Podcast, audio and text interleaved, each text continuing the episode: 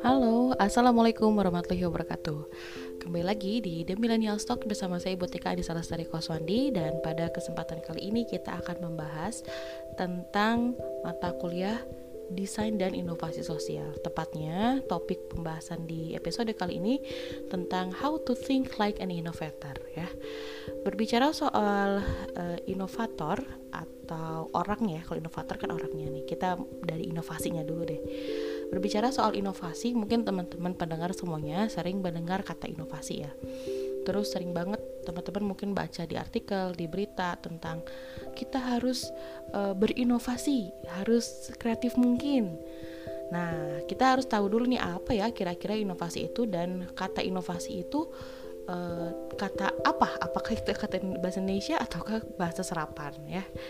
Nah, inovasi sendiri kalau uh, teman-teman baca di Kamus Besar Bahasa Indonesia atau KBBI itu merupakan kata benda ya atau noun yang artinya adalah pemasukan atau pengenalan hal-hal yang baru atau pembaharuan ya. Um, atau uh, definisi kedua juga bisa diartikan sebagai penemuan baru yang berbeda dari yang sudah ada atau yang sudah dikenal sebelumnya kayak gitu. Sementara kata kerjanya adalah menginovasikan. Nah, menginovasikan ini artinya menampilkan sesuatu yang baru, memperbaharui gitu ya. E, jadi pada intinya ada sebuah progres yang digunakan atau didapatkan dalam e, kata kerja atau dalam bentuk penginovasian ini. Nah, sedangkan innovator atau inovator, tulisannya inovator itu e, merupakan orang yang melakukan pembaruan ini. Nah, berbicara soal inovasi, innovator, kemudian menginovasikan tentu saja erat kaitannya dengan kewirausahaan sosial. Kenapa? Karena selama kita belajar di e, tujuh pertemuan kemarin kita udah membahas tentang bagaimana cara pencarian masalah dan mencari akar masalah khususnya dalam ruang lingkup um, permasalahan sosial gitu kan yang bisa kita uh, tangani nanti melalui pendekatan kewirausahaan gitu. Nah, setelah kita mengetahui gimana caranya menggali masalah melalui metode-metode kayak uh, metode diagram fishbone, juga uh, wise. Nah, sekarang kita nih harus mulai men-setting gimana caranya permasalahan yang ada ini kita temukan solusinya dan kita dapat memperbarui atau kita dapat menemukan hal-hal atau sesuatu yang baru sehingga solusi ini menjadi solusi yang paling aplikatif ya untuk uh, diimplementasikan kepada pemecahan permasalahan sosial yang ada di Indonesia kayak gitu.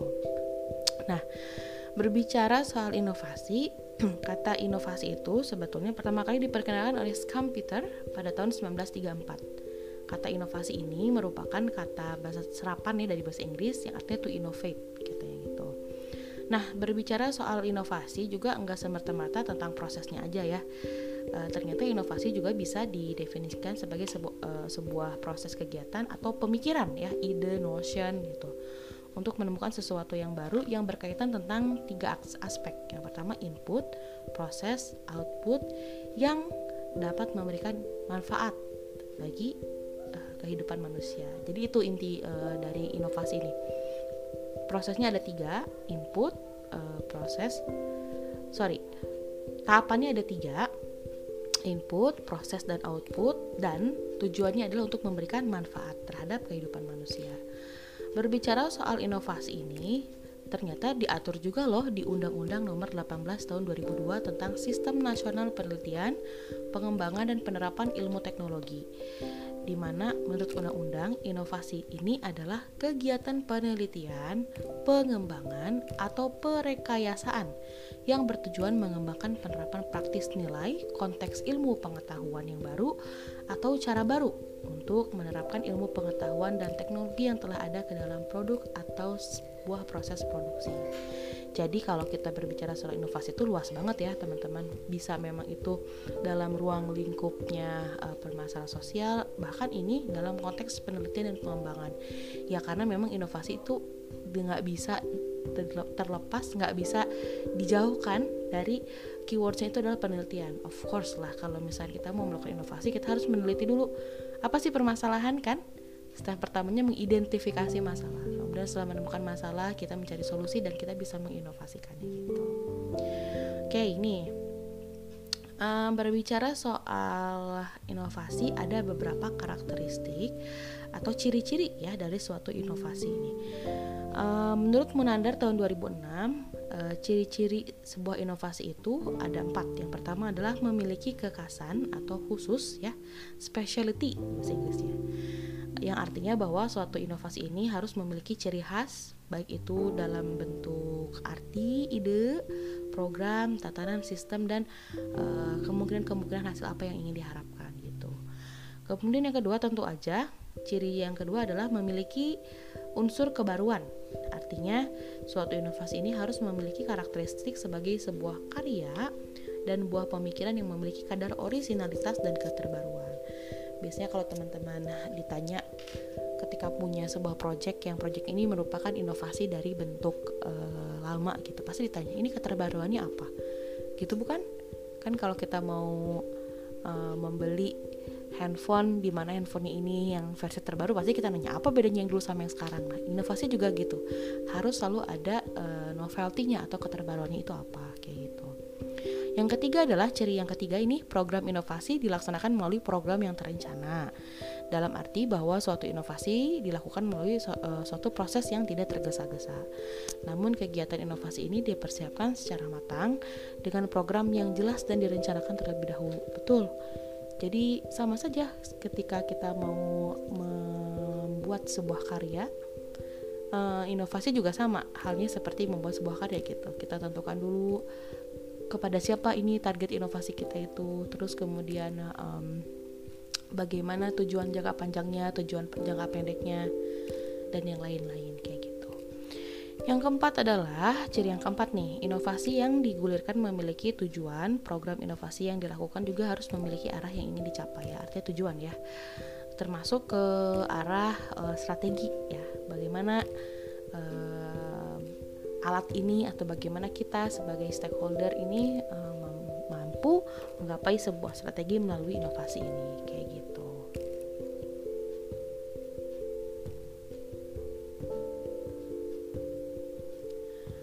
Ada beberapa jenis inovasi yang uh, dipaparkan oleh Henderson dan Clark tahun 1990 ya. Uh, mereka mengkarakteristikan bahwa inovasi ini terdiri dari tiga jenis.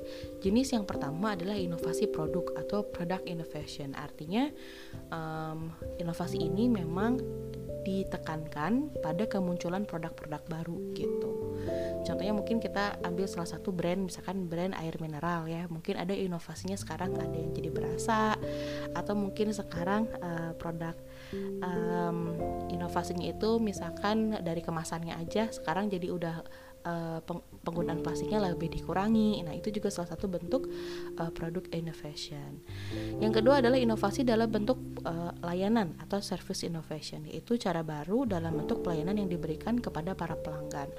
Bentuk pelayanannya bisa berupa misalkan yang asalnya itu tidak menggunakan uh, pemanfaatan teknologi, sekarang menggunakan pemanfaatan teknologi uh, dulu tidak ada kurir pengiriman, sekarang ada diberikan kurir pengiriman. Nah, contohnya seperti itu inovasi pelayanan dan inovasi proses yaitu sebuah cara baru untuk membuat proses dalam menghasilkan produk atau jasa agar lebih ekonomis. Ini uh, salah satu contoh kasusnya misalnya um, sebuah perusahaan teh misalkan ya di mana dia biasanya memproduksi teh itu dengan cara manual sekarang menggunakan alat-alat yang lebih modern gitu dengan menggunakan uh, eh, AI contohnya atau menggunakan eh, mesin-mesin uh, yang uh, lebih kekinian. Nah, itu uh, tiga jenis inovasi yang diperkenalkan melalui Henderson dan Clark tahun 1990.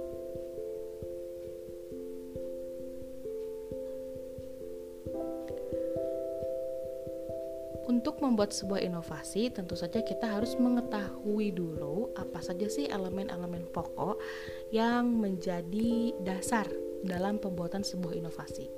Ini menurut Saud tahun 2014 menyatakan bahwa dalam melakukan sebuah inovasi itu ada empat elemen pokok yang harus uh, kita pikirkan atau kita pertimbangkan. Yang pertama adalah inovasi ini harus dianggap baru oleh seseorang ya.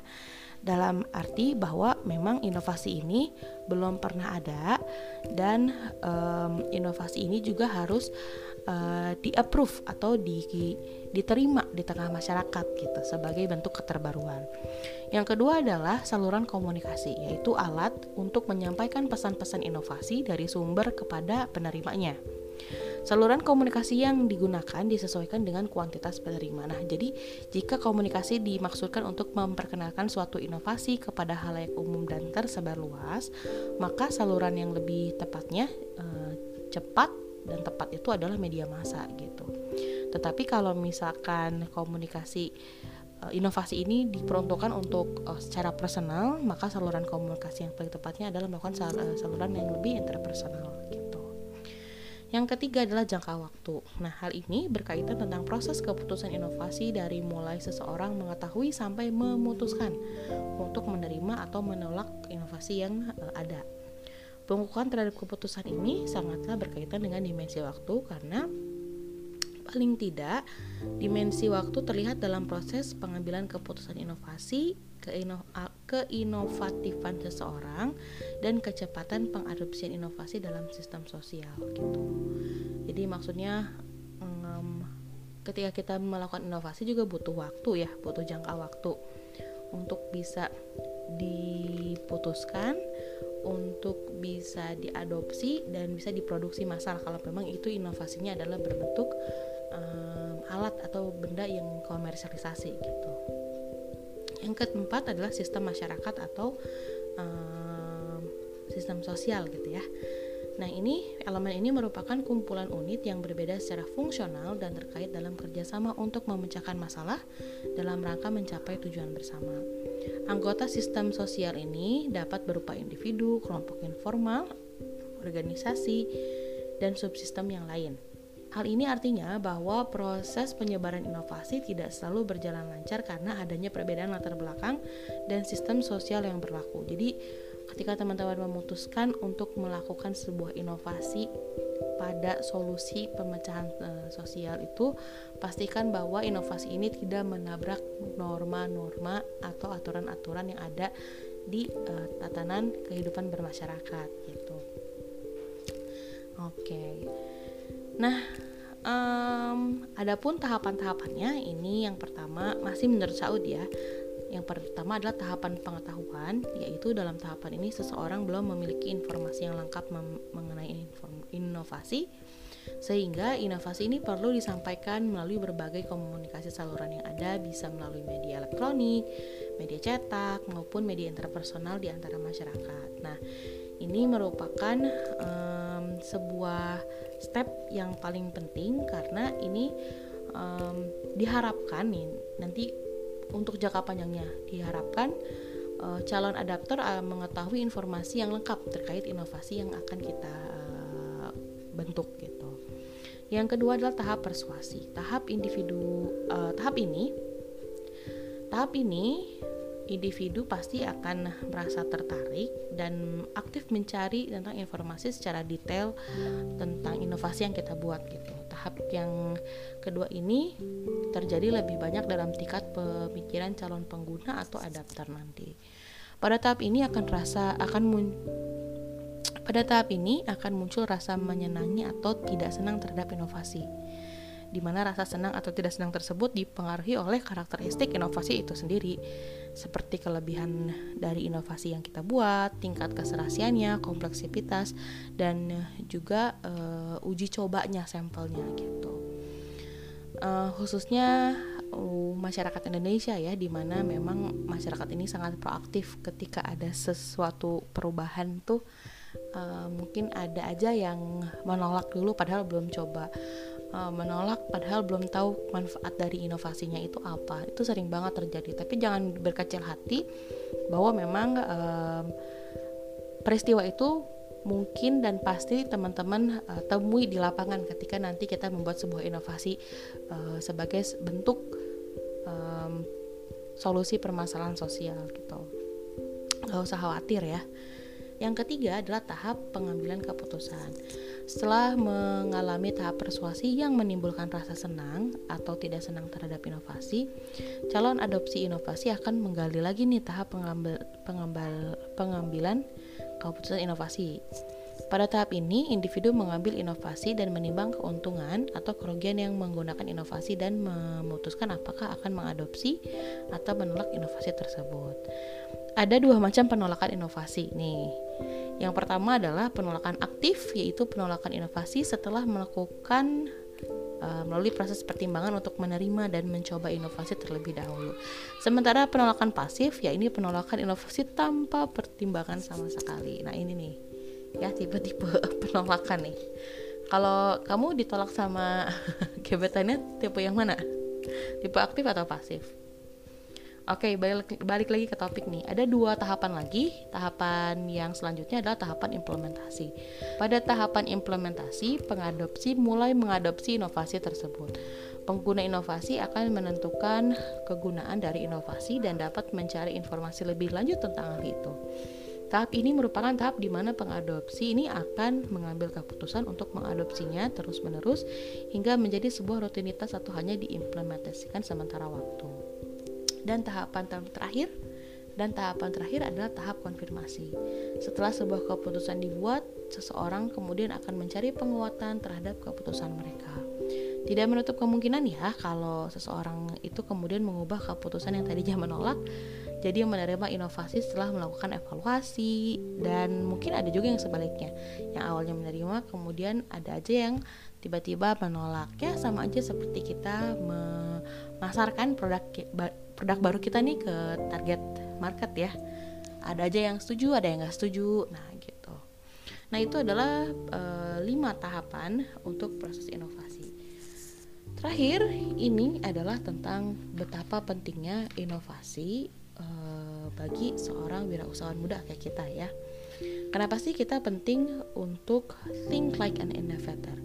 Karena think like an innovator itu akan membantu kita untuk selalu bisa beradaptasi, kemudian being sensitive terhadap permasalahan yang ada dan juga meningkatkan inisiatif kita untuk membantu apa sih yang menjadi masalah di lapangan, baik itu dalam konteks kewirausahaan sosial maupun kewirausahaan secara umum.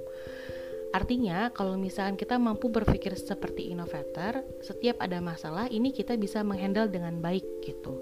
Nggak usah panik, nggak usah share dulu di media sosial, wah ada ini ada itu, tapi kita bisa langsung aja mengambil take action. Kira-kira apa apa nih yang menjadi solusi dan bagaimana nih kita bisa memberikan keterbaruan sehingga semuanya bisa menjadi sebuah manfaat yang baik untuk masyarakat dan untuk kita juga kayak gitu. Nah ini delapan karakteristik yang teman-teman harus punya untuk menjadi seorang inovator dalam konteks kewirausahaan sosial ya. Yang pertama adalah empathy. Jadi uh, teman-teman harus mampu membaca situasi, harus mampu menguasai untuk membaca um, apa yang dibutuhkan dan apa yang dirasakan, kemudian difikirkan, gitu kan uh, feel think and apalagi tuh feel think yang dirasa yang difikirkan oleh uh, calon pengguna ataupun uh, masyarakat yang ada di uh, sekitar kita gitu. Dengan merasa empati ini artinya setidaknya kita bisa mengetahui bagaimana posisi uh, mitra, posisi um, calon pengguna, posisi masyarakat dan apa yang sedang mereka alami gitu. Karena kadang um, kita mungkin ada aja seorang wirausahawan yang uh, pintar secara teori, pintar secara praktek, tapi untuk uh, empatinya itu mereka masih lack of empathy. Jadi mereka nggak bisa ngerasain toleransinya masih rendah gitu. Karena itu tadi empatinya atau perasaan uh, merasakan bagaimana jadi orang lain itu belum bisa terbangun dengan baik gitu. Yang kedua adalah problem finder. Artinya teman-teman harus menjadi seseorang yang menguasai dan yang memiliki kemampuan untuk bisa mengobservasi lapangan dan memperhatikan apa yang menjadi permasalahan, apa yang kira-kira menjadi uh, solusi dan apa sih faktor-faktor lain yang mungkin tidak terlihat dan terbaca uh, di lapangan kayak gitu. Kemudian yang ketiga adalah risk taker, risk taker atau uh, seorang yang berani mengambil uh, resiko banyak sekali yang nanya ke saya bu gimana ya untuk bisa menjadi seorang risk taker? Gitu. Karena siapa sih yang yang mau ngambil resiko? Pasti semua orang juga nggak mau kan ya. Um, jawabannya adalah teman-teman memang harus banyak berlatih. Jadi um, best practice-nya itu adalah dengan berlatih berlatih terus menerus gitu. Mau itu resiko besar atau resiko kecil um, alangkah baiknya di usia muda kayak gini kita um, jangan takut untuk mengambilnya gitu. Karena mungkin nanti akan ada keputusan-keputusan atau cara berpikir yang baru yang bisa kita dapatkan dari pengambilan keput uh, pengambilan resiko uh, tersebut kayak gitu. Uh, pengalaman adalah guru, guru terbaik ya gitu yang keempat adalah network, artinya teman-teman harus bisa memiliki uh, mitra ataupun jangkauan-jangkauan ataupun teman ya, network mitra yang luas gitu. Jadi memang um, ciri atau karakteristik ini uh, udah identik banget ya sama ciri-ciri wirausahawan secara umum gitu. Yang kelima adalah observant. Ini kurang lebih sama seperti uh, problem finder. Kalau problem finder kan mencari masalahnya apa uh, kalau observant itu mampu uh, melihat situasi baik itu secara uh, zoom in maupun zoom out gitu. Maksudnya ketika melihat sebuah masalah atau sebuah um, fenomena dan situasi kita bisa melihat itu baik dari kacamata secara sempit, secara mikro maupun secara makro lebih besar gitu. Kayak gitu. Kemudian yang keenam adalah creator. Nah, creator ini artinya kita harus uh, bisa menjadi seseorang yang mampu mem membuat sesuatu gitu ya. Maksudnya gimana sih bu membuat sesuatu ketika ada masalah semua orang stuck nggak bisa ngapa-ngapain teman-teman bisa memberikan sebuah um, pendapat kemudian saran yang mungkin sama sekali mama masyarakat ini nggak nggak kepikiran kayak gitu jadi jangan takut duh kira-kira saya bener nggak ya ngomongnya? Atau jangan takut soal uh, apa salah nggak ya ini saya ngomong kayak gini salah nggak ya konteksnya? Coba diutarakan dulu gitu. Siapa tahu nanti setelah berjalannya diskusi akan ada satu titik temu apa sih yang menjadi the best solution for all of us gitu. Kemudian yang ketujuh adalah resilient, artinya teman-teman harus tahan banting. Waduh ya, ini banyak banget bu karakteristiknya ya memang banyak banget. Maksudnya tahan banting kan kalau menjadi seorang innovator itu kita tadi ya um, tahu bahwa akan terjadi dua penolakan baik itu aktif maupun pasif. Nah di sini resilient karakteristik soal resilient ini benar-benar di um, dipertanyakan gitu kan. Diuji gitu diuji. Jadi maksudnya ketika ada penolakan kita jangan langsung baper ah ini inovasinya gagal. Cuma gara-gara satu orang nolak. Atau cuma gara-gara satu orang bilang saya nggak suka misalkan kayak gitu. Nah jangan jangan jangan terlalu baper tetap maju tetap um, mampu menjadi seorang yang tahan banting karena mungkin penolakan satu itu merupakan hanya 0,01% dari 100% di mana uh, dari 100 orang tuh dari 99 orang berkata yes hanya satu orang yaitu mah um, masih dalam uh, statistik yang sangat moderat gitu. Yang terakhir adalah reflektif. Nantinya memang seorang inovator itu harus memiliki kemampuan untuk belajar dari pengalaman. Tetap reflektif, evaluasi apa ya yang kira-kira uh, baik dari inovasi ini apa yang kira-kira yang perlu ditingkatkan apa yang tidak perlu untuk dilanjutkan kayak gitu. Um, artinya reflektif ini juga kita harus orang confidence sih boleh tapi jangan over confidence tetap ya apa pun yang yang bentukannya over atau too much atau terlalu itu nggak baik. Makan terlalu banyak juga nggak baik uh, eh, PD juga kebanyakan nggak baik gitu ya pacar kebanyakan juga nggak baik loh. Kok ke situ mulu bu Oke, okay, that's just kidding. Nah, itu adalah beberapa uh, informasi maupun bahan diskusi yang mungkin bisa teman-teman mulai pikirkan nih gimana ya caranya untuk jadi inovator. Kita tadi udah ngebahas soal apa arti atau definisi inovasi dari mulai KBBI sampai ke undang-undang, kemudian tahapan-tahapan, elemen-elemen dan bahkan karakteristik seorang inovasi. Inovator itu seperti apa? Oke, terima kasih banyak yang sudah mendengarkan podcast ini. Semoga podcast ini memberikan manfaat untuk eh, rekan-rekan yang sedang mendengarkan. Um, sampai ketemu lagi di episode selanjutnya. Assalamualaikum warahmatullahi wabarakatuh.